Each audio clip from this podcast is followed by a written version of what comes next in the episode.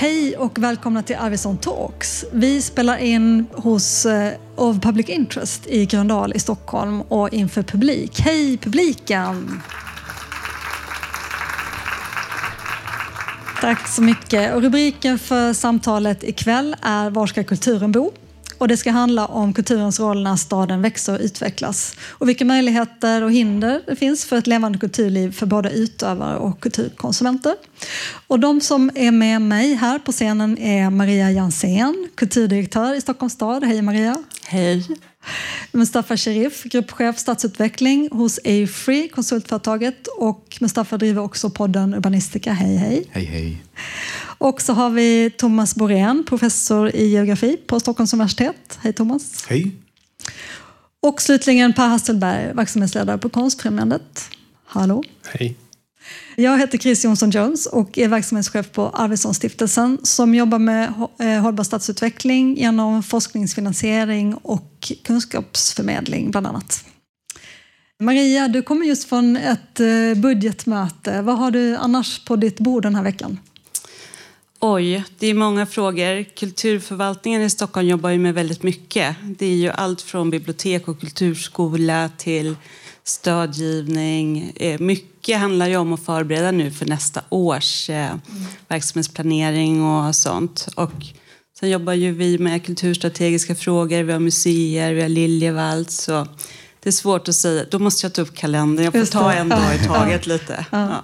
Men får man fråga den, den korta versionen av hur gick det på budgetmötet? Blir det tummen upp, tummen ner? Tummen Nej, men man kan väl säga så här att när majoriteten lägger fram en budget i Stockholms stad så debatteras den i kommunfullmäktige i två dagar, från morgon till ganska sen kväll. Och nu började det igår med gruppledardebatt och pratar man om allt man vill med Stockholm, alla områden. Och så avslutar man dag två klockan eh, fem med, bud med kulturbudgetdebatten. så, ja, och, så, så det var så ungefär kan man säga. Ja, mm. Mm. Per, vad har du gjort den här veckan? Ja, jag försöker öga medlemmar och städa ut kontoret så att vi kan ta in eh, ja, hyresgäster men också medlemmar får använda våra lokaler vid eh, Mariatorget. Mm.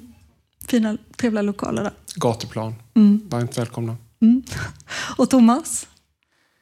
Jag har suttit och skrivit på en ansökan, eller två ansökningar egentligen. Varav en handlar om, eh, om eh, det jag tror vi ska prata om idag. Mm. Låter bra. Och Mustafa, vad, vad har du för dig? Vi har ju träffats en gång tidigare i veckan. Ja, precis. Vi, vi hade årsmöte för Arcus stiftelse som eh, jobbar med praktiknära forskning. Eh, vi hade essätexter och presenterade finalister. Du var med på jury. Mm, mm. var på dansk ambassad och pratade om samarbete mellan Sverige och Danmark. Det var folk från Gale Architects också. Och eh, jobbar mycket med barnkonsekvensanalys på ett Trafikverket-projekt. Ja. Så det är mycket dialog. Mm, intressant. Eh, jag skulle vilja börja med en liten kort fråga till var och en av er. Om ni kunde ge något exempel på där konsten har fått lov att ta plats på ett bra sätt. Vem ska få ta den först? Det är Per kanske? Ja, det blir ju väldigt personligt då. Eh, får jag göra det? Ja, absolut. Ja. men då, då tar jag ju Konstad C i Hökarängen mm. som eh, jag har gjort tillsammans med väldigt många människor. Men bland annat ett stadsdelsråd som finns i Hökarängen. Och att det funkar fortfarande efter 20 år. Eh, jag ser ju det som ett offentligt verk men det, för de flesta så är det en konstinstitution och ett tankerum för förorten, en slags tankesmedja. Mm. Och Thomas, du har ju faktiskt skrivit om det som forskare, om kan du säga någonting om det arbetet? Ja, absolut. Ehm, jo, men Per och jag har jobbat ihop ehm, sedan ganska länge nu, på, av och till. Eh, och, och så i en, en fas så, så, eh, så intervjuade jag Per och, och arbetar fortfarande tillsammans med mm. Konstal C vad det gäller undervisning och sånt där. Men vi, det, det, arbetet eh, handlar om olika sätt som planerare och konstnärer kan interagera eller samverka för, för att utveckla staden. Mm. Men har du något annat exempel än konsthalserat? På något ja, jag visste ju att det här skulle komma här så jag fick tänka till lite grann. Nej, men det, jag var i Rom i april och eh, besökte Cinema America där. Eh, som, eh, verkar vara ett väldigt lyckat exempel på, på, på många av de faktorer som handlar om hur kulturen skulle kunna få plats i, en stad på ett nytt sätt som också bevarar kulturarv, utvecklar eh, den lokala gemenskapen, är bra för unga. Många, många positiva saker. Jag känner inte till alls. Kan du säga någonting mer om vad ja, det är? Det är en gammal bio som, eh, som eh, ligger i ett bostadsområde som i samband med biodöden la ner men som Eh, unga filmentusiaster tog över kan man säga och efter ett tag också fick stöd av kommunen. Eh, och de visar film då, på både, både lite spetsig film och bred eh, film för barn och sådär. Men också har de studieplatser för unga människor, studenter då i huvudsak. Ehm, och en bar och, och det användes väldigt flitigt när jag var där. Och det var ingen speciell dag utan en dag som vilken som helst. Liksom. Mm. Mustafa, har du något favoritexempel? Yes, det är från Helsingborg. Det heter Pixlapiren. Och det är ett hamnområde som de har gjort om och delat den i pixlar, 10 meter gånger 10 meter. Och vem som helst i staden får komma in eh, och skapa en konst. Eh, de hjälper med, med verktyg, med budget, de ger 10 000 kronor också. Så där var ett, ett hamn som gjord av konst i pixelformat. Så det här 10 gånger 10 bredvid varandra. Jag tycker det, det, för mig det är mest fascinerande konstprojekt i en stad. Mm. Vi, vi, är ju båda från Helsingborg, du och jag Mustafa, så jag är väldigt glad att du lyfter. Yeah. High five. Maria då, du, du, får tala i din egen sak om du, om du vill. Eller du får ja, välja något nej, men jag tänkte att jag kanske var tvungen att tala i egen sak och mm. därför så, så bestämde jag mig för att inte göra det faktiskt. men jag tänkte på, eh, faktiskt på ett ganska gammalt projekt men som också nu är nyaktuellt, nämligen tunnelbanans konstnärliga utsmyckning. För det är ett av mina absoluta där konsten verkligen har fått ta plats. Även den allra äldsta konsten är ju väldigt älskad. Och det kommer ju jättemycket ny spännande konst i tunnelbanans utbyggnad. Så det tycker jag det är ändå ett av mina. Annars mm. är jag ganska uppfylld just nu att jag var för några veckor sedan först i Sao Paulo i Brasilien som ju är en 25 miljoner stad. Där jag tyckte nog att stadsplaneringen kanske inte riktigt hade funkat. Och sen var jag i Buenos Aires direkt efteråt i Argentina som ju är en fantastiskt härlig kulturdriven stadsutveckling med så skön blandning av gammalt och nytt och kultur och kontor och bostäder. Så det känner jag, så det, den kontrasten var väldigt spännande. Mm. Ja. Men om man bara skulle vara lite tråkig också och säga om någon som, det, det kanske bara är en som får säga något, någon plats som inte har blivit så bra då, fast man har haft eh, ambitionerna, där det har fallit platt eller blivit dåligt eller någonting. Någon som har en favorit eh, hatobjekt. jag tittar på Per. ja, jag, jag får sätta Wall Street, eh, Nacka, tycker jag är ett ganska dåligt exempel. Mm, varför är det dåligt då? Man går in med fel premisser i ett projekt och man tror att man kan hantera kultur. Ehm, jag vet, eh, det var ju många fastighetsbolag i det där som, och eh, Nacka kommun och man pyntade in rätt ordentligt. Men ett av fastighetsbolagen, Atrium Ljungberg, de säger ju att de har knäckt koden. De vet hur man skapar kultur. Och där tyckte jag man visade att man inte har fattat riktigt vad det går ut på. Mm. Eh, och det visar ju sen också när man försökte göra det här i större skala att det blev totalt flopp. Så det där tycker jag är lite intressant, när man inte tar med experterna i hela vägen utan försöker bara plocka en russin ur kakan, hur dålig kaka det blir. Mm, men det var ju skönt också att det inte var Stockholms stad, då, så behöver inte Maria ta ansvar för det. Men får jag skjuta in där? Ja. Jag hade tänkt på, inte det exemplet, men mer generellt att det är liksom um, det, det, finns ett exempel i Berlin som, som i forskningslitteraturen framhålls som inte, inte så lyckat. Då, och, och en av anledningarna är just att man har felaktiga förväntningar på vad konst, konstnärerna kan göra på en plats för att skapa gemenskap och så vidare. Så att med, med rätt, går man in med rätt premisser så kan man undvika det. Men går man in med fel, då blir det ju förstås svårt att få det bra. Var kulturen ska få plats och vad den ska ha för roll i staden, det diskuteras ju väldigt mycket. Till exempel där vi är nu här i Gröndal, Lövholmen, strax utanför Stockholms innerstad. Men kan ni hjälpa mig att ringa in liksom vilka de stora frågorna är? För det blir, det blir väldigt många olika spår när jag försöker tänka på det här. Jag tänker på hyressättningen, hur kulturens institutioner och utövare ska ha råd. Jag tänker på värdeskapandet, att eh, konsten ibland ska bana väg för stadsutveckling men kanske inte har en lika given plats i en färdig miljö. Vad, vad tänker ni på? Mustafa, vad, vad, vill du addera för perspektiv på vad konsten och kulturen kan ha? Alltså perspektiv är mer själva samarbete och hitta nya modeller för finansiering. För det, det, brukar vara så här att, att saker dör för att det finns ingen budget. Eh, och det är kanske inte en aktör som vill ta på sig hela kostnaden. Så vi behöver det här perspektivet av, av att samarbeta mm. och what's in it for me. Så det här är också ett, ett ja, i, mina, i mitt perspektiv, det här är det viktigaste. Ja. Eh, själva modell, finansieringsmodellen. Mm. Men jag, håller, jag håller helt med, även om jag kanske inte hade satt finansieringen som rubriken, utan just att skapa förståelse för varandra. Jag är ju kulturdirektör, så jag tycker att kulturen är det viktigaste som man kan jobba med naturligtvis i en stad. Och när en stad växer snabbt, då måste vi vara med där framme där besluten fattas. För det går liksom inte att klistra på kulturen eller konsten i efterhand. Ja, kanske, konst, men liksom inte kulturens hela infrastruktur eller ekosystem. Det går liksom inte att skjuta in det i efterhand. Eller det är i varje fall mycket svårare, ska jag säga. Så om vi ska kunna få så mycket kultur som vi vill ha, då måste vi ta hjälp av varandra. För vi kan aldrig klara det själva. Den budgeten, det finns inte en kommun i Sverige som får den budgeten. Utan samverkan skulle jag säga, det kan ju låta väldigt slitet, men jag ska ändå säga att det är, det är liksom A och O.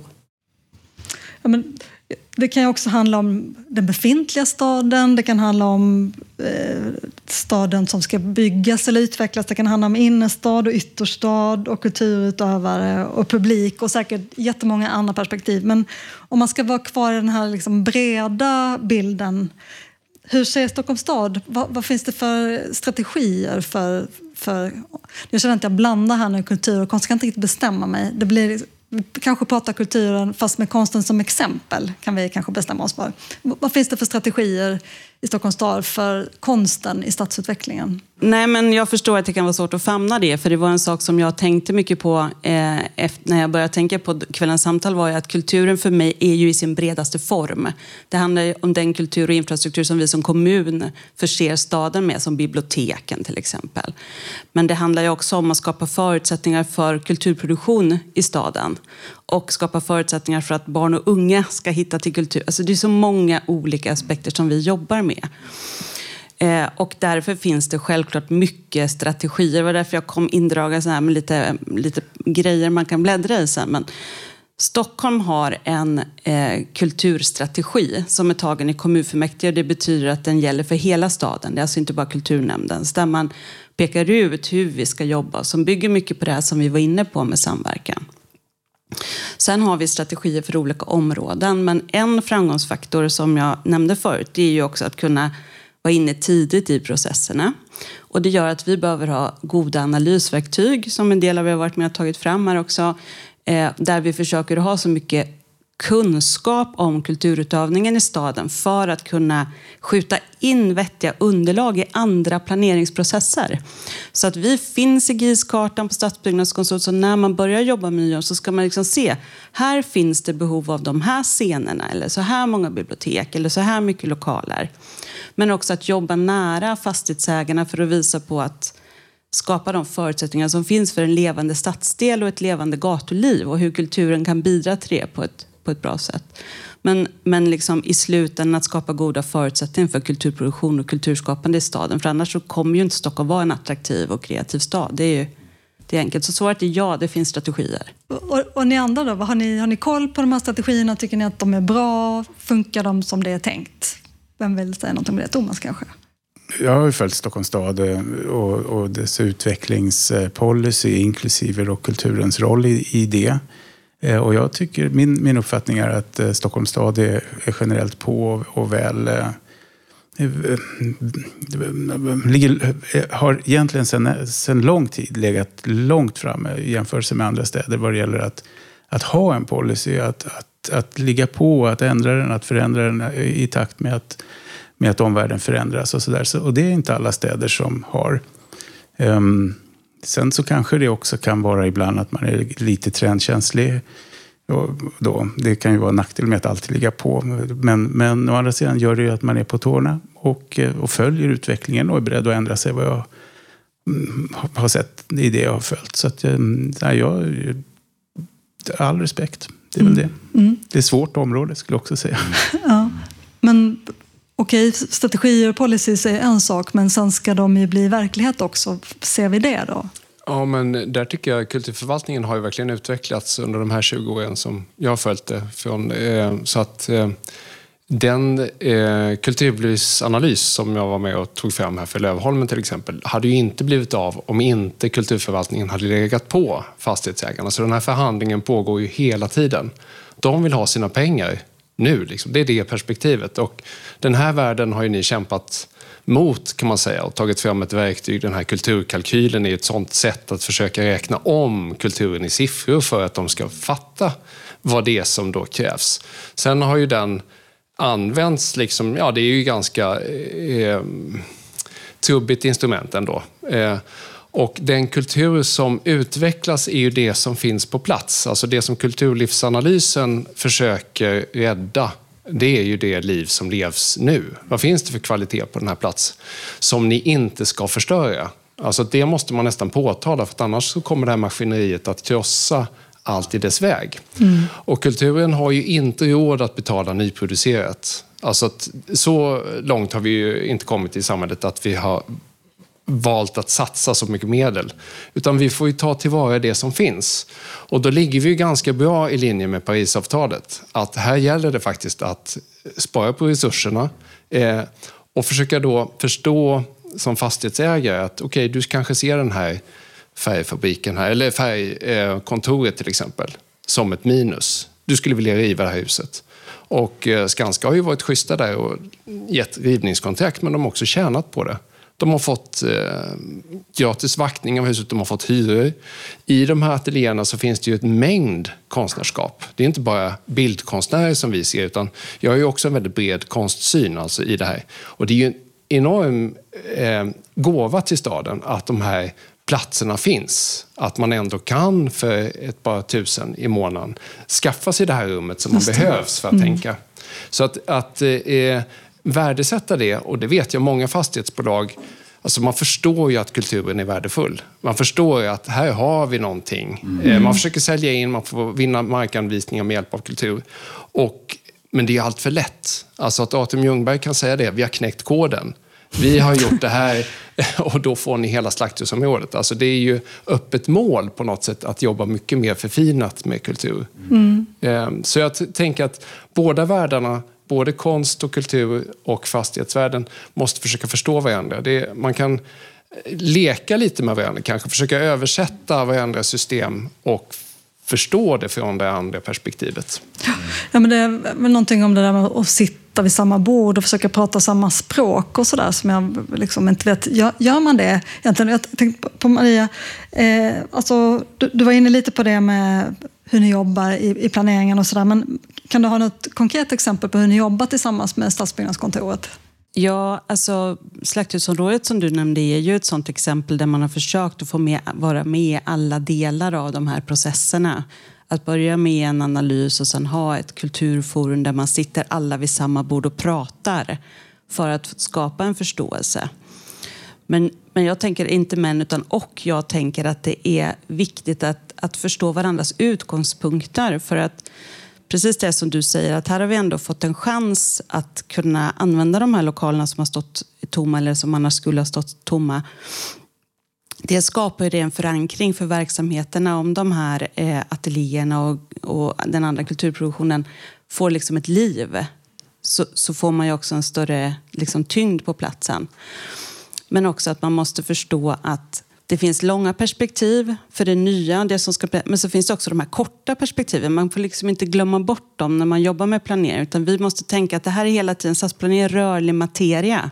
Staden står inte still och väntar under tiden som det blir ett nytt område. Utan vi måste se till att liksom nyttja det här och jobba med till exempel som vi jobbar med lotsfunktionen att, att vi har personer som kan hjälpa eh, kulturutövare eller kulturproducenter att hitta lämpliga lokaler för att vi vet ungefär hur det ser ut i de här planeringsprocesserna.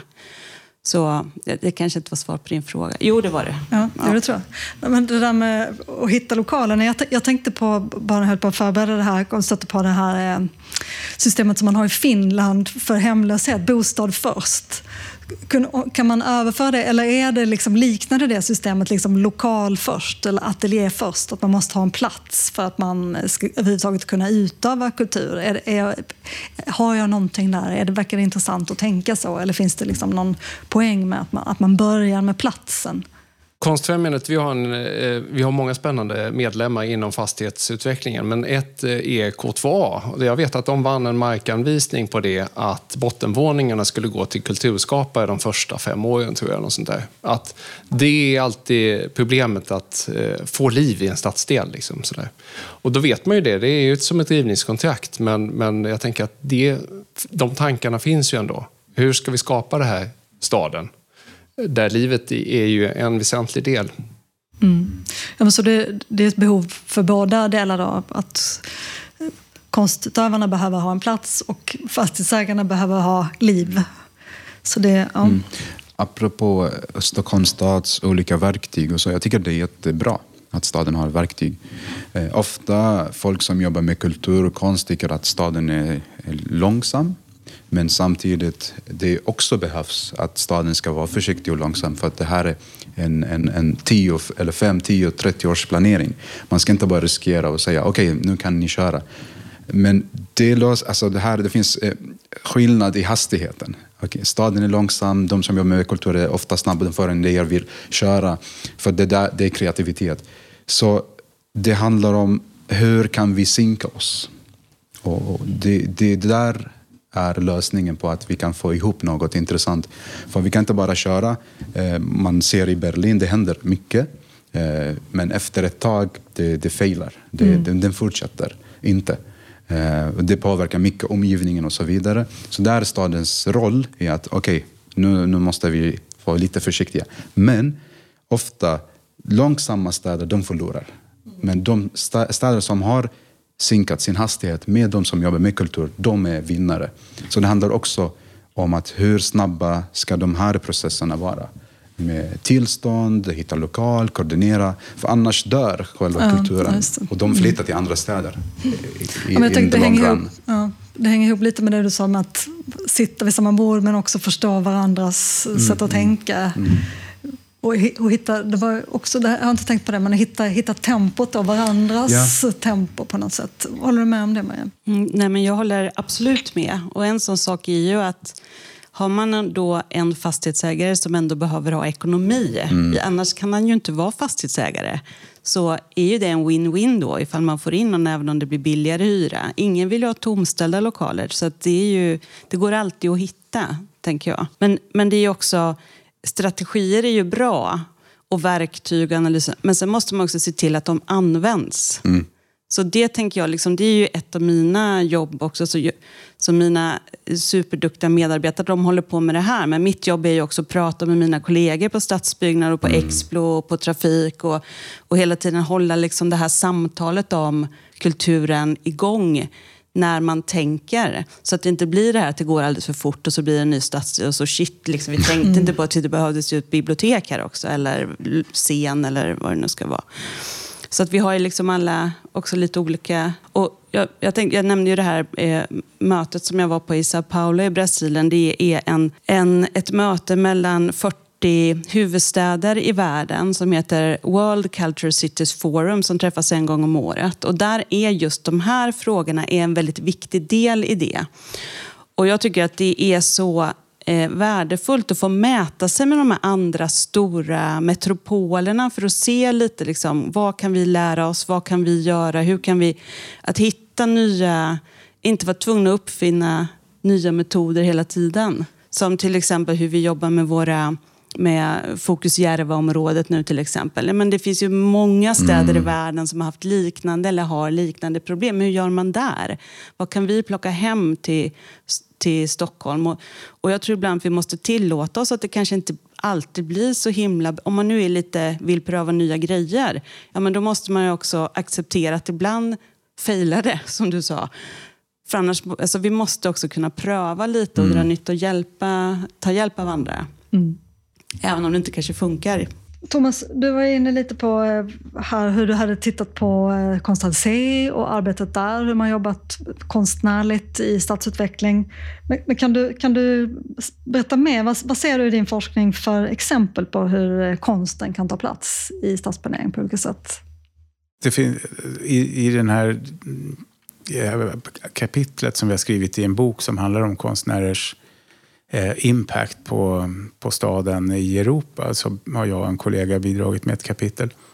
Eh, och I det så identifierar vi fem, eh, fem typer av samverkan mellan, mellan konstnärer och planerare. Och det här är mer generiska termer nu. Då, liksom planerare i bred bemärkelse, konstnärer i bred bemärkelse. Men, men som sagt, då hittade vi fem typer. Och det utesluter inte att det finns fler sätt som inte är kända av forskningen ändå. Då. Men, men där ett handlar ju om, om att skapa dialog eh, som, eh, och att man använder då eh, liksom, initiativet kanske kom, till samverkan här kommer från planerarna och man be, så att säga, behöver en konstnär för att få tillgång till konstnärliga metoder som skiljer sig från planerarnas metoder.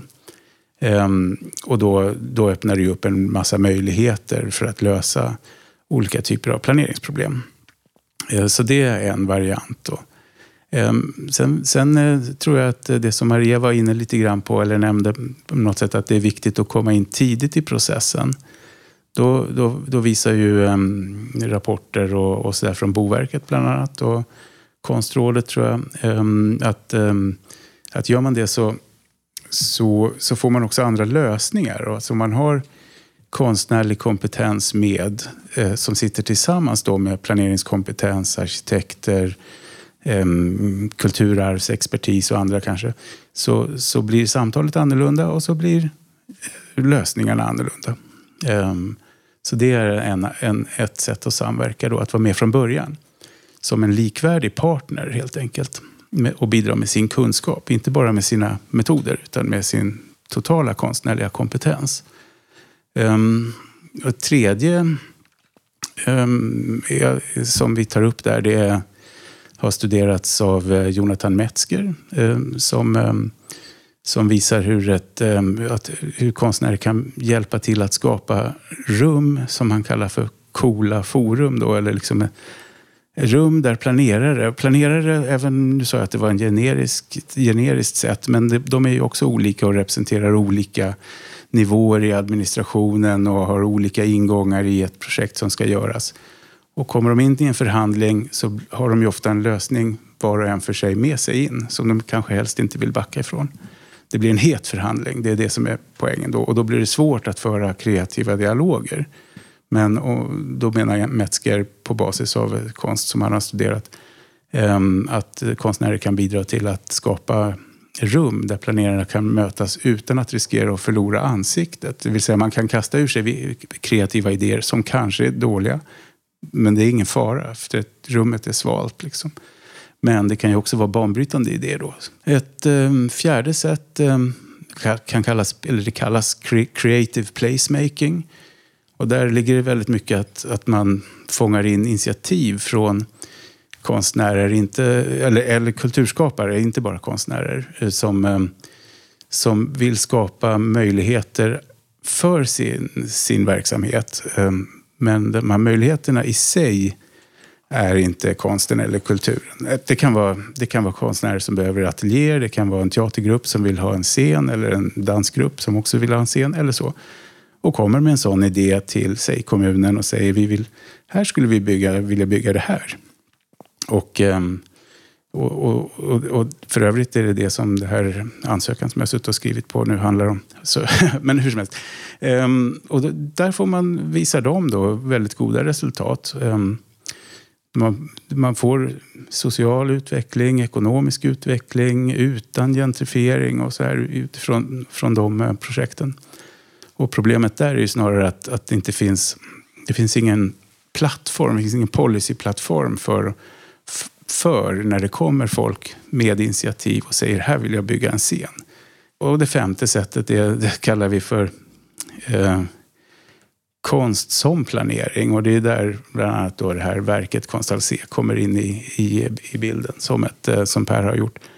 Um, där man mm, genom, genom ett konstverk, materiellt eller immateriellt, försöker påverka föreställningsförmågan inom planering. Så att, så att man um, på, det, på det sättet börjar tänka i nya banor. Mm. För just den där initiativkraften, det är den, den det, den tror jag man ska värna om eh, inom planering i de här sammanhangen. Liksom. För det finns mycket som, som kan hända om man bara hittar bra vägar. Att, en policyplattform för att fånga upp det på ett, mm. på ett bra sätt. Mm. Vad säger du med det? Känner du igen de här olika varianterna? Vilka av dem skulle du säga att ni jobbar med? Ja, men jag satt precis och tänk, tänkte på det, vilka av de här olika som fångas. Men jag tycker att ganska många fångas. Kanske kan det ibland vara svårt att tillgodose det som jag tror att du kallar det för nummer fyra. När det kommer någon med en färdig, större idé. Men att man kanske ändå kan hjälpa till att lotsa dem till rätt plats. Men det finns ju det finns ett behov i en sån här stor stad. Stockholm är ju ändå rätt stor jämfört i Sverige. är den ju stor. Att ha många olika modeller där man kan hitta lösningar. Så att jag skulle säga att vi försöker då att, att jobba med många olika modeller. Men det räcker ju aldrig till riktigt. Det, så är det ju för att hur mycket man än gör och hur långt fram man än ligger och hur mycket dialog man försöker så blir det ju all, det är alltid, det skulle alltid kunna gå att göra mer. Det kanske är den offentliga sektorns eh, eh paradox på något vis. Man når aldrig i mål. Det finns alltid mer behov än vad det finns resurser på något vis. Men när vi var inne på det här med, med placemaking då, nämnde du det begreppet. Det, Mustafa, du är ju engagerad i Placemaking Europe. Yes. Eh, dess, om vi börjar med, om du kunde säga vad är placemaking? Precis. Vad menar man med det? Det jag tänkte börja med eh, mitt svar med. För det, Arvidsson-tak är en bra plattform. Det, nu är det mycket i branschen och i hela världen mycket snack om okay, vad är placemaking.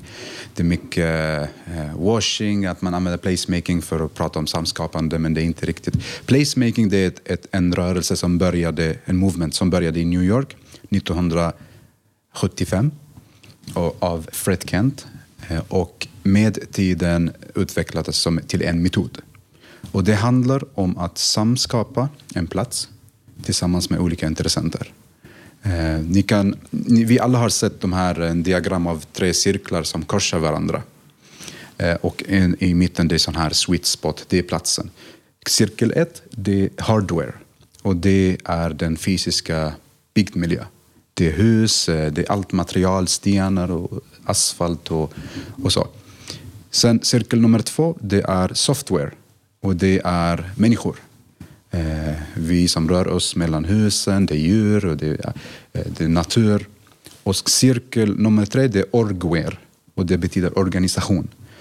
Organisation handlar om hur kan vi få harmoni mellan hardware och software så att livet mellan husen inte dör. Så det är placemaking. Det handlar om att okay, vi har en plats, vi vill utveckla den, någon har en idé. Man ska inte köra själv eller med en partner. Det finns, man ska bjuda in alla som är, har med platsen att göra. Boende, butiker, skolor, de som är relevanta som är i närheten av platsen och tillsammans skapa en vision. Eh, så även om någon kommer med en vision, det är inte placemaking eh, för att det blir någons vision. Den är inte det, samskapat av de andra. Så det är placemaking, att bjuda in intressenter, tillsammans skapa en vision och sen eh, göra en tidslinje. Vad ska vi göra? Dela upp den till olika etapper så att folk ser att något händer i den här platsen och inte behöver vänta fyra år tills att något kommer upp. Så det är mer att man skapar en plats eh, med olika aktiviteter och händelser under tiden så att det, det händer saker. Folk ser vad folk är en del av detta och det är inte bara staden som bestämmer tyvärr, men många andra också. Det är placemaking. Och Placemaking Europe, vad är det för organisation? Placemaking Europe, det finns Placemaking X och det är som eh, ett, ett eh, mother network i USA. Och i varje kontinent finns det en placemaking network. Så vi är en organisation i Europa. Vi är 4 000 personer i, i olika länder i Europa och sen vi försöker använda placemaking-metod i stadsutveckling för att få mer konst, kultur, eh, biologisk mångfald när vi utvecklar en plats. Och tillsammans med intressenter. Inte bara boende, inte bara staden, inte bara fastighetsägare. Och vi mer advokerar för den här metoden som, mm. det kanske inte är själva koden, men ett sätt att utveckla platsen. Mm. Kan, kan du ge ett exempel på hur du har jobbat på, så med placemaking själv då, på April eller i något projekt? Yes, vi har till exempel sist var det i Hässelby eh, tillsammans med Stockholmshem. Eh, de har eh, flera eh, ytor mellan hus, mellan deras eh, byggnader, alltså hyresgäster och så. Eh, Stockholmshem vill utveckla att skapa liv där mellan husen. Så vi bjöd in, vi har delat upp eh, de platserna till olika kategorier, för området är stort. Och sen varje plats, vi bjöd in de som ligger i närheten av platsen. Och tillsammans med dem, vi satt eh, precis så här och pratade om okay, vad behöver vi för att den här platsen ska vara levande. Så det kom förslag 1, 2, 3. Och sen, okej, okay, vem ska ta hand om de här? För att Stockholmshems har kanske inte tid eller har inte resurser. Så någon måste vara med och hjälpa till och ta hand om den platsen. Så det blev kanske en förening här, eh, kanske en skola där, en förskola, förskola här tillsammans med ett boende. Så det blev delat. Och det så skapas också en, en del av kulturen när vi tillsammans jobbar med ett projekt och inte bara en aktör som skapar en kultur. Mm. Det blir inte riktigt kultur för alla. Nej, och förhoppningsvis kan det leva lite längre också om det är fler som är mm. engagerade. Ja. Men, men placemaking, jag känner också placemaking som begrepp har ju lite dåligt rykte också. Man tänker ju gärna lite gentrifiering och så. Här. Hur känner ni inför begreppet placemaking? Per till exempel. Det, det som konsten vill göra och kanske konstfrämjandet så här, det är ju eventuellt att ge folk det de inte visste att de vill ha. Alltså att man ska ta det ett steg till. Och då kan man ju behöva eh, andra metoder för att överraska sig själv än att bara sitta runt ett bord. Eh, jag gillar ju det här demokratiska, alltså jag älskar de här samtalen för att man tänker ju väldigt bra tillsammans. Alltså man får ju igång hjärnorna på ett bra sätt. Så att det, men eh, precis som idrotten behöver bredd och spets, alltså så är ju Konstantin har jobbat med det här låga trösklar, men det ska finnas en spets någonstans där inne. Alltså man ska kunna göra en bildningsresa bara genom att gå in här. Sen är det upp till var och en hur långt man vill gå. Men eh, liknelsen med idrotten tycker jag är lite bra. Dels för att idrotten är fantastisk på att lyckas engagera folk. Eh, men också som någon slags antites. De är enormt bra på att skapa väldigt trista miljöer. Alltså att acceptera eh, förskräckliga ytor. Det, det, är liksom industrimark vi släpper ut våra barn på. Mm. Eh, med eh, ja, granulat och skit sådär. Men eh, det är ändå, alltså kan vi plocka någonting från folkrörelsen, eller från folkrörelsen men också idrottsrörelsen. Vad är det som engagerar folk i den här platsen? Alltså att man får utlopp för sin egen, sin egen rörelseförmåga, sitt eget sätt att kunna engagera sig och så vidare. Så att man måste ju släppa in folk. Och det gäller ju samhället i stort också. Kan man skapa en institution eller ett verk som faktiskt bjuder in andra medskapare. Det är ingen som skapar konst av egen kraft, utan det är ett samskapande. Jag kan ställa ett verk på bordet, men det är, utan betraktare så är det inget konstverk. Och det, det, den relationen gäller ju eh, överallt annars också. Så jag tänker att det är väl många som tycker att vi på Konst ja det är smalt och konstigt och sådär. Men man har ändå en relation. Man kanske går till Hökarängsarkivet eller så, man har varit där. Vi har liksom eh, tusen femåringar varje år det finns ändå någon slags stolthet över att den här institutionen finns. Att det finns någonting bakom hörnet där som är lite okänt, alltså som är lite mer än det givna livsutrymmet. Och det tror jag är jätteviktigt att eh, värna den så kallade elitistiska konsten. Alltså vi blir ju kallade kulturelit och allt möjligt sånt där.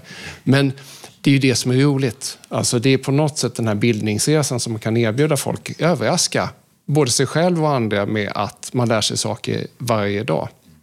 Eh, så att Eh, jag gillar de här modellerna, absolut. Och jag gillar företag som också försöker, alla försöker bidra på något sätt.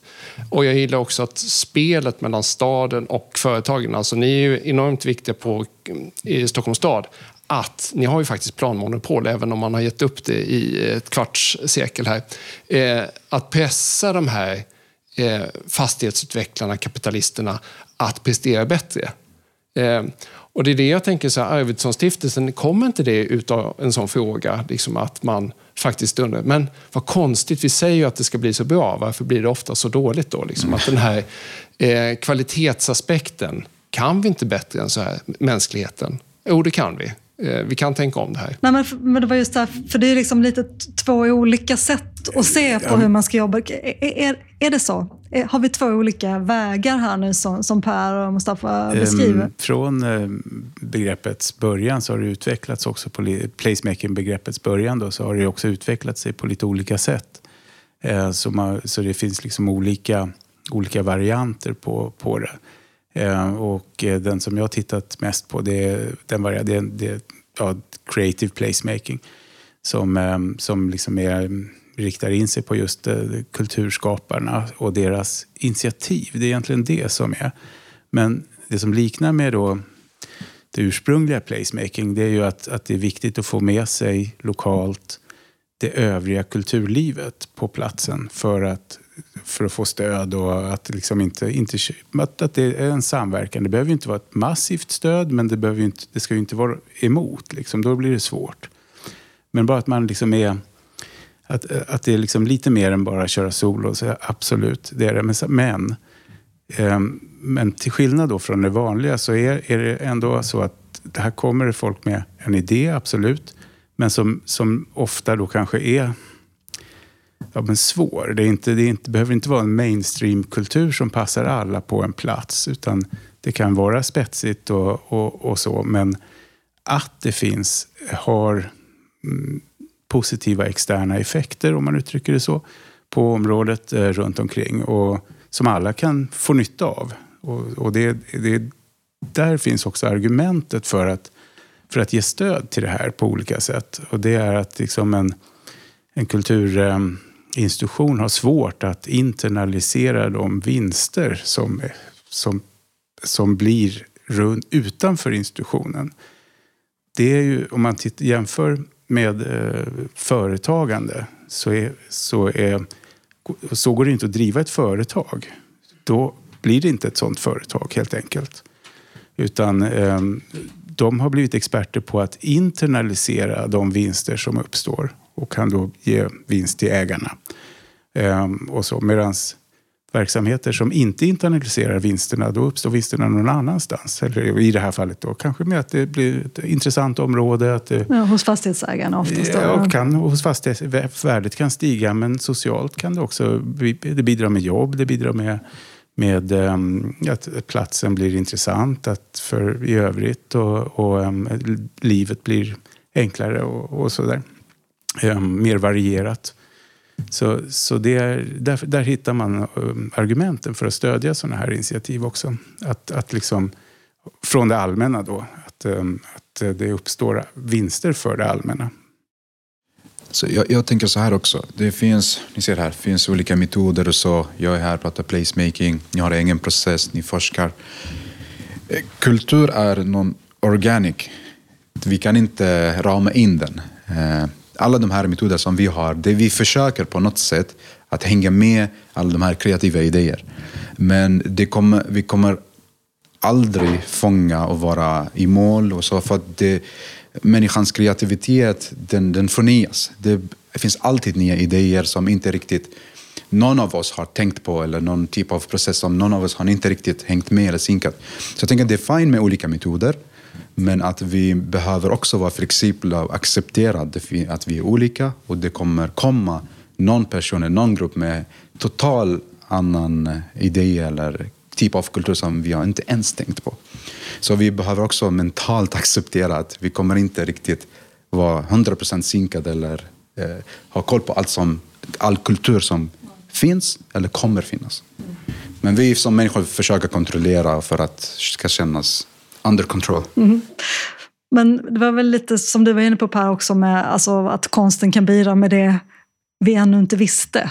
Men hur, hur jobbar ni på Konstfrämjandet med att låta konsten eller konstnärerna ta plats i stadsutvecklingen? Mitt eh, jobb då på Konstfrämjandet det är ju att skaffa medlemmar. Så Folkrörelsernas konstfrämjande jobbar genom sina medlemmar. Eh, vilket då ofta är, alltså på senare år så har det kommit till eh, K2A, alltså arkitektkontor som Spid, White och Sveriges arkitekt och så. Alltså där man faktiskt använder det konstnärliga tänkandet för att tänka om samhället, som vi säger. Eh, och det finns ju många sådana situationer där man kör fast helt enkelt. Och i, i, bästa fall, ja, då har samhället gett upp. Då kan man kasta in en konstnär, gör ett offentligt verk som gör alla de här grejerna som vi misslyckades med. Eh, men man kan ju också fundera på, alltså det finns ju många problem som, som vi gärna vill ta hand om. Mänskligheten vill ju vara kreativ, tänka konstnärligt. Så att vi har ju det här mottot konst för alla. Vilket det tycker jag är en ynnest, en gåva, liksom, att ha det här omöjliga uppdraget. För att det bevisar på något sätt att vi har ett konstnärligt tänkande hos alla. Man kan utveckla det på olika sätt. Mm.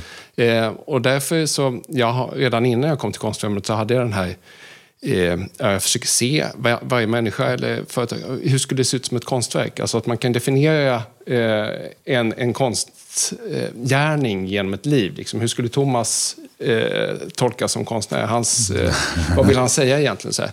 Det kan jag roa mig med, men det kan också vara en övning, tänker jag, att man översätter mm. olika världar. Så att kanske ett fastighetsbolag eh, också skulle kunna ses som konstverk eller att man faktiskt, eh, vad vill vi? Eh, för det är ett sätt att förenkla saker också. Att, vad är den stora frågan i, i det här sammanhanget? Så eh, Konstfrämjandet kan låta flummigt, men vi har vuxit väldigt mycket genom att lyfta de här frågorna och eh, det är väldigt många folkrörelser som grundas just i ett sånt här konstnärligt driv. Man vill förändra världen. Maria, du som har jobbat i museisektorn tidigare, den här diskussionen med hyressättningarna från Statens fastighetsverk och så, är det en ny diskussion för dig? Nej. Nej. Den har nog pågått sedan ja, 1700-talet ungefär, okay. skulle jag tro. Eller något sånt.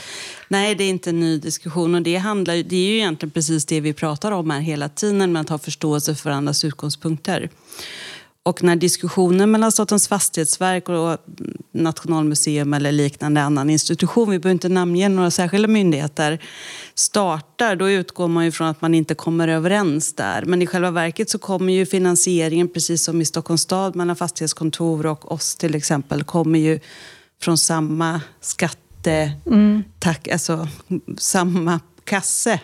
Så det handlar ju bara om att de som fördelar kassen bara bestämmer sig för hur de ska ha det. För att det, det lönar sig inte att Statens fastighetsverk och Nationalmuseum håller på och bråkar för att det är inte de som Nej, kan lösa precis. ut mm. den knuten. Och, och då måste man börja i ett mycket tidigare skede där vi var och pratade förut, nämligen att vi måste förstå att fastighetsägaren måste kunna få underhåll av, av fastigheten att gå runt. Nationalmuseum är ju en skitdyr fastighet att underhålla. Det fattar ju vem som helst. Om man sen dessutom inte underhållit den på väldigt länge så blir det ju en väldigt stor kostnad och, och eh, göra det. Då gäller det liksom eh, omhänderta allt det som behöver göras när man väl gör det. Men det kan ju varken Fastighetsverket eller eh, Nationalmuseum lösa. Så det måste liksom lösas på en annan nivå. Och därför så, så, kan jag tycka att det blir lite intressant att den här debatten dyker upp var tionde år. Ungefär samma typ av fråga. Eh, det var likadant när man eh, byggde Moderna Museet. Och, alltså, mm. Det återkommer hela tiden, men det är ju egentligen bara en fråga om att bestämma sig för, ska Fastighetsverket ha avkastningskrav eller inte? Mm. Det, det, är politiskt. Det är en del, det är liksom när det offentliga har med det offentliga att göra. Men så, så finns det mycket andra frågor som handlar om den privata fastighetsägaren och den eh, kulturnäringen eller konstnären som sitter i en lokal. Det är ju en helt annan typ av förhandling. Men principen är ju densamma. Mm. Att man måste förstå varandras utgångspunkt. Och det är väl också lite, det var två olika saker då, men annars är det vad man ska ställa för krav på en privat fastighetsägare då, om de ska vara med och bidra till kulturlivet i en stad eller inte. Man skulle ju kunna tänka sig, ja, men som du föreslog här, att man, eller här är ett exempel, att men alla bottenvåningar, där ska det vara kulturaktörer. Eller i den här eh, detaljplanen, man, du får bara bygga här om du avsätter si och så mycket. Har man den typen av diskussioner i staden? Alltså samtal har man ju alltid och det handlar ju om att väga olika intressen mot varandra. Det är ju så en stad funkar. Det är så många olika beståndsdelar som måste gå runt. Men sen eh, om man tittar man runt om i Europa och i USA också för den delen så finns det ju jättemånga intressanta modeller man skulle kunna titta på. Där man har eh, olika typer av system för att eh, promota att det kommer in mer kulturverksamheter i nybyggen till exempel. Eller man får bygga Ops, jag tror att det är Sydney, men om det är så att det inte var Sydney så bear with me. Men när man får bygga liksom två våningar till om man garanterar kulturaktör i eh, gatuplan. Alltså det finns ju sådana system. Eller man kan få skattelättnader om man eh, bygger en kulturlokal. Eller, så det finns ju många intressanta system att titta på. Men vi har ju inget sånt i Sverige, så Nej. vitt jag vet. Det känns ju ganska självklart att det, det är liksom ett politiskt beslut som måste både, från det vi pratade om innan med, med den här med hyressättningen, att ska man flytta runt pengarna bara, att bara ge pengar till kulturen och sen så får de slussas vidare till, till fastigheterna, eller ska man, ska man göra något, ska man fatta något annat typ av beslut? Alltså, hur svårt kan det vara, tänker jag? Är det, vad, vad, tycker ni? Hör ni, liksom, hör ni någonting av den diskussionen att man skulle, är på väg? Och fatt, är det någon som driver det politiskt? Eh, jag tänker, nej, det, det är det väl inte vad jag känner till sådär, men, men enprocentsmålet diskuteras ju. Och det är ju relaterat till det här i alla fall. Eh, Om det ska ökas, om det ska, eh, om det ska gälla fler, om det ska gälla privata, om det ska gälla allt. Ehm, och, ehm, och, och, och eh, ska man ta bort begränsningar kring det här med enprocentsmålet, att det bara ska vara i den fastighet, i eller kring den fastighet som, som då byggs om eller byggs. Ehm, Det finns ju andra, man kan ju tänka att det hamnar i en fond som pytsar ut pengar till där det behövs bättre kanske. Ehm, Så, så, så, men någon politiskt driv i den frågan vet jag inte om det finns. Men där, där det finns lite driv och där det händer saker runt om i landet, det är ju kring gestaltad livsmiljö. Eh, Och det är också relaterat till det här. Och där kan man också fråga sig vad, mm, ja, vad det finns dels för finansieringsformer men, men, eh, men också samarbetsformer då mellan de som har kulturell kompetens, som kan det här med design och konst och eh, utforma livsmiljöer som är, som är bra på olika sätt. Eh, och, eh, och planeringskontoren som har kontroll över planprocessen. Mm. Eh, så, så, och där händer det ju saker. Och det är en relativt ny... Eh, eh, nytt beslut, 2018 togs, togs en ny, nytt beslut i riksdagen kring eh, kring gestaltade livsmiljöer. Mm. Det förra var alltså 1998. Så, att det, det. så det är ett tänkte- aktuellt beslut, även Ja. om det är fem år sedan. Det är också Nej, på, tänkte- på. Europanivå, New European Exakt. Bauhaus, Mm. Sustainable Yes, Beautiful yes. Together. Eh, Så beautiful är en, en, en, en ledord i hela. Nej, men jag tänkte på det, vad, vad, ni, vad ni tror inför det. Att vi har ju både politik för gestaltad livsmiljö, vi har new, new, det är svårt att säga det, New European Bauhaus. Vad, vad finns det för muskler i de politikområdena för att addera finansiering i nästa steg? Vad tror du Maria? Men jag satt och tänkte på hur kommer det sig att det tar så lång tid i det här samma, samtalet innan vi säger gestaltad livsmiljö. För det är precis det vi pratat om hela samtalet. Och det tror jag säger någonting. Det, det är gestaltad Vad livsmiljö. Ja, men alltså att, att begreppet kan vara svårt att, att vi pratar, inte, vi pratar om de här sakerna men vi använder oss inte kanske alltid av begreppet gestaltad livsmiljö fast Nej. det är det vi pratar om. Ehm, Jag tycker att enprocentsregeln och det som du säger här om att det blir ju de facto så att där projekten blir dyra så blir det mer pengar. Den här enprocentaren blir mer konst för pengarna än där projekten är inte är, är lika hög markkostnad mm. eller projekteringskostnad.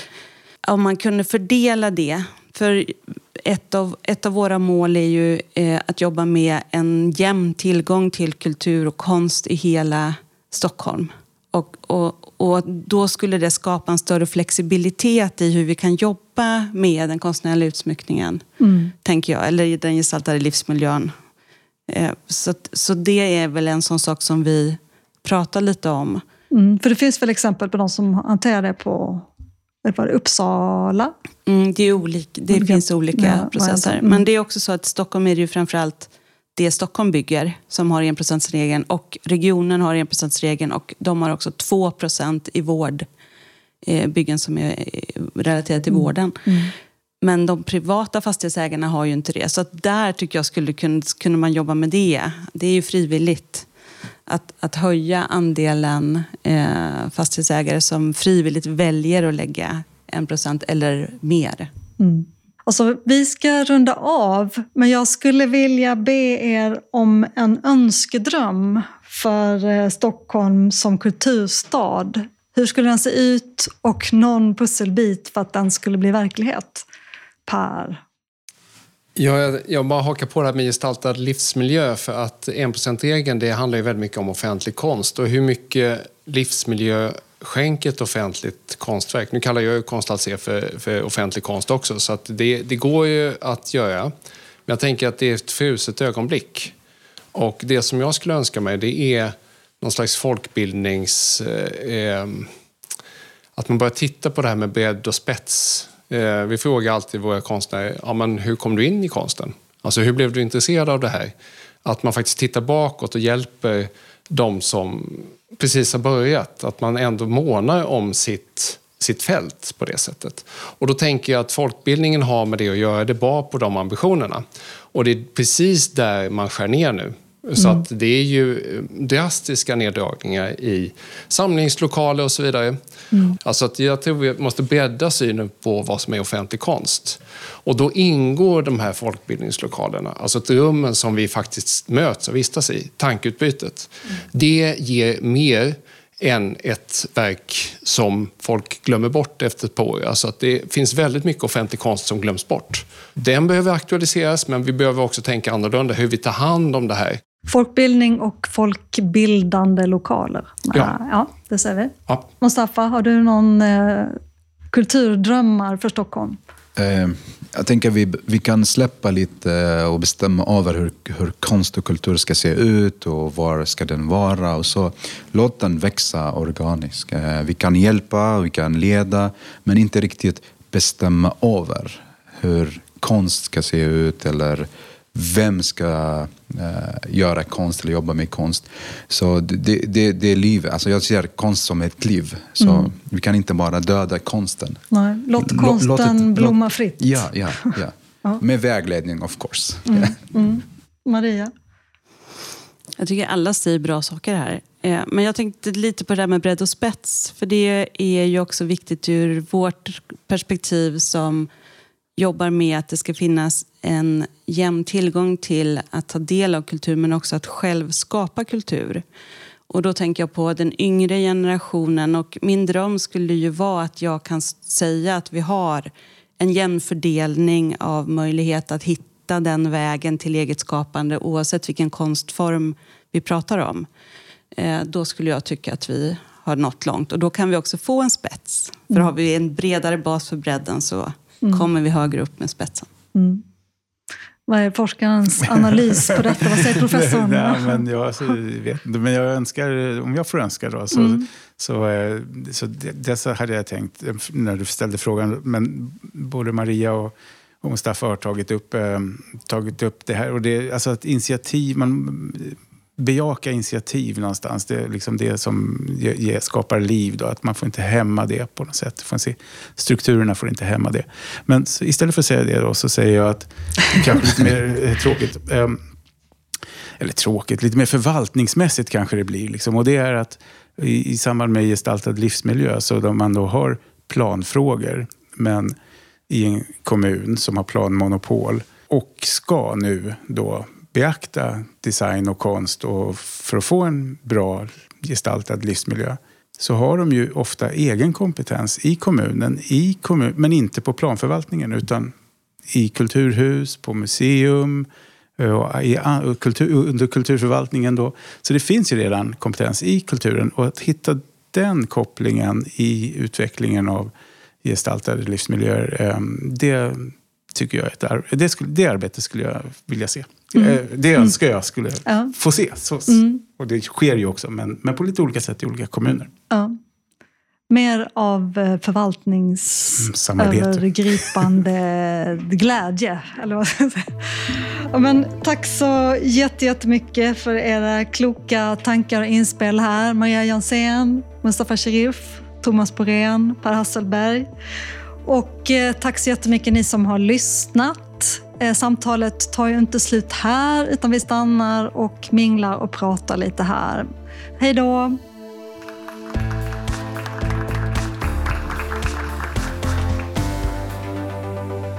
Hej, vad heter du? Var kommer du ifrån? Jag heter Lukas Narvascha och jag kommer från kulturförvaltningen där jag jobbar som kulturlots. Vad tog du med dig från samtalet idag? Alltså det är ju, tror att det är som jag tror Mustafa förde fram att, och säkert Per också att, att liksom följa de initiativ som finns och eh, se vad folk faktiskt brinner för och liksom har som eh, motiv till att eh, leva och verka. Det är det som får vara drivkraften och jag tror att det bara kan komma fram i den typen av eh, samtal eller forum där man möts från olika håll och pratar i ett öppet rum. Mm. Tack så jättemycket. Ja, tack själv. Var kommer du ifrån? Ja, hejsan. Renzo Rio Frio heter jag och kommer från organisationen Exklusiv idrott och kulturförening som befinner sig i Kista. Mm. Vad tar du med dig från det här samtalet? Väldigt mycket. Eh, det viktigaste är väl hur kulturen kan liksom skapa en stad och en, ett samhälle. Eh, men framförallt allt en inblick på hur själva liksom, stadsdelen tänker, hur forskare tänker och andra aktörer. Detta är ju väldigt givande för oss som jobbar i den miljön, men även med barn och ungdomar. Mm. Tack så mycket. Tack själv. Mm. Hej, vad heter du? Var kommer du ifrån? Jag heter Sara Peny och jag kommer från Ättelva arkitekter, men jag är också boende här precis i grannskapet. Vad har du för kommentar på samtalet idag? Eh, men jag tyckte det var väldigt spännande det här de pratade om idrotten och idrottens plats och bredd och spets eh, och hur man skulle kunna, eller om det går, att föra över det på kulturen och låta kulturen ta den platsen som, inte som idrotten tar, men lika mycket plats som mm. idrotten tar. Skulle det vara möjligt? Mm. Det skulle vara intressant om det var lika mycket yta också som idrotten tar. Ja, precis. Exakt, den där ytan. Men också så roligt när de uttryckte det där att idrotten tar ju plats på så fula ställen. och det tycker jag är ganska härligt. Men också kraften som finns i de där idrottsföreningarna som driver kaféer och sådär. Att liksom, skulle vi kunna kombinera det med, mm. med kulturen? Alltså, det är ju också en sorts kultur, det ska man ju inte glömma. Men liksom, kan vi bredda det? Mm. Det tyckte jag var en intressant och tankeväckande mm. idé. Tack så jättemycket. Hej, vad heter du? Hej, jag heter Joakim Lyth och jag är arkitekt. Jobbar till vardags på Vingårds i Malmö och är också lärare här på OPI. Vad har du för kommentar på samtalet idag? Jag ska inte säga att jag var förvånad, men jag blev överraskad över bredden på samtalet. Det är ett jättebra samtal tycker jag. Och det är så intressant när vi pratar om kultur och kulturens plats i staden. För att det är ju så otroligt brett. Jag tänker att det är en fara att man kanske drunknar eller pratar bort sig i både individuella konstutövares vardag, alltså konstproduktion men även konsten i det offentliga rummet. Och sen kommer vi hela vägen ner till kulturskolor och alltså till barns tillgång på kultur och till allmänhetens tillgång på kultur och på kulturutövning. Jag tänker det är väldigt lätt också att man pratar om kulturkonsumtion. Det är en väldigt fokus på konsumtion generellt i samhället. Jag är själv en del utav det. Men att just prata om kulturproduktion också. Och produktion överlag. Olika typer utav produktion. Eh, Så det tar jag verkligen med mig. Tack så mycket. Tack.